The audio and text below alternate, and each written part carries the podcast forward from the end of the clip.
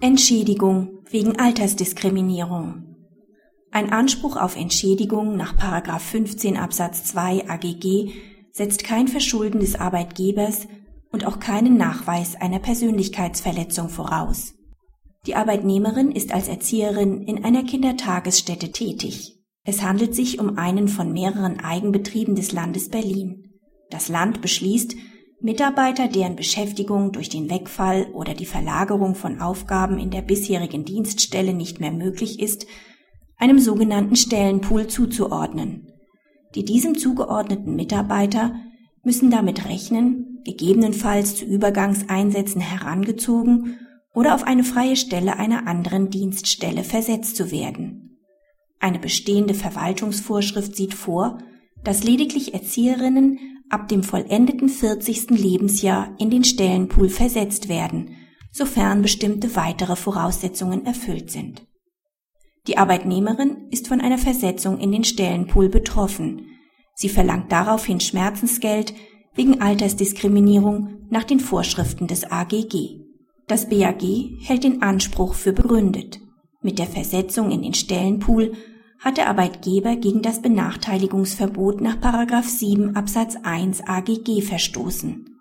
Dies führt zu einem Anspruch auf Ersatz des immateriellen Schadens nach 15 Absatz 2 AGG. Eine unmittelbare Benachteiligung ist darin zu sehen, dass die betroffene Arbeitnehmerin im Vergleich zu anderen Beschäftigten, die ebenfalls alle Voraussetzungen für eine Versetzung in den Stellenpool erfüllen, allein deswegen für die Zuordnung ausgewählt wurde, weil sie das 40. Lebensjahr bereits vollendet hatte. Der Umstand, dass die durchgeführte Maßnahme auch individualrechtlich unwirksam war, schließt einen Schadensersatzanspruch nicht aus. Die Ungleichbehandlung ist auch nicht nach 10 AGG zulässig. Im vorliegenden Fall mangelt es insbesondere an der Verfolgung eines legitimen Ziels durch den Arbeitgeber. Unter einem solchen Ziel können nicht nur Interessen der Allgemeinheit, sondern auch anerkennenswerte betriebs- und unternehmensbezogene Interessen zu verstehen sein. Dies wird an den in der Norm genannten Regelbeispielen deutlich. Darunter kann im Einzelfall auch die Schaffung oder die Erhaltung einer ausgewogenen Personalstruktur fallen. Erforderlich ist allerdings die Angabe von konkreten Gründen durch den Arbeitgeber, welche konkrete Personalstruktur er aus welchen Gründen schaffen oder erhalten will. Allein der Wunsch des Arbeitgebers, die Zahl von Beschäftigten zu reduzieren, die ein bestimmtes Alter überschritten haben, genügt diesen Vorgaben nicht. Ebenso wenig handelt es sich bei dem Bestreben des Arbeitgebers, das Durchschnittsalter seiner Beschäftigten generell zu reduzieren, für sich betrachtet nicht um ein legitimes Ziel.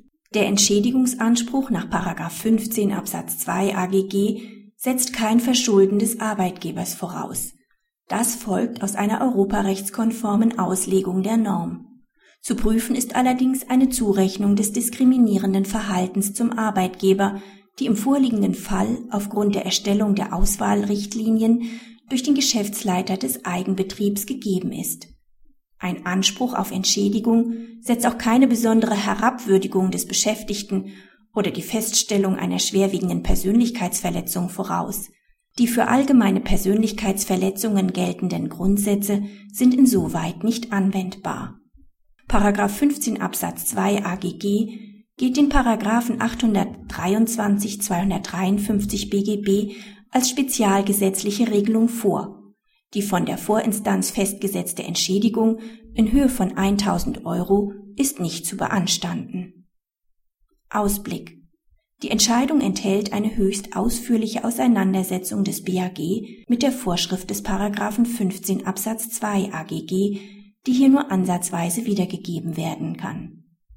Das Gericht beschäftigt sich insbesondere auch mit der Auslegung von weiteren Tatbestandsmerkmalen des Paragraphen 10 Satz 1 AGG obwohl dessen Anwendung im konkreten Fall bereits an dem Fehlen eines legitimen Ziels scheitert.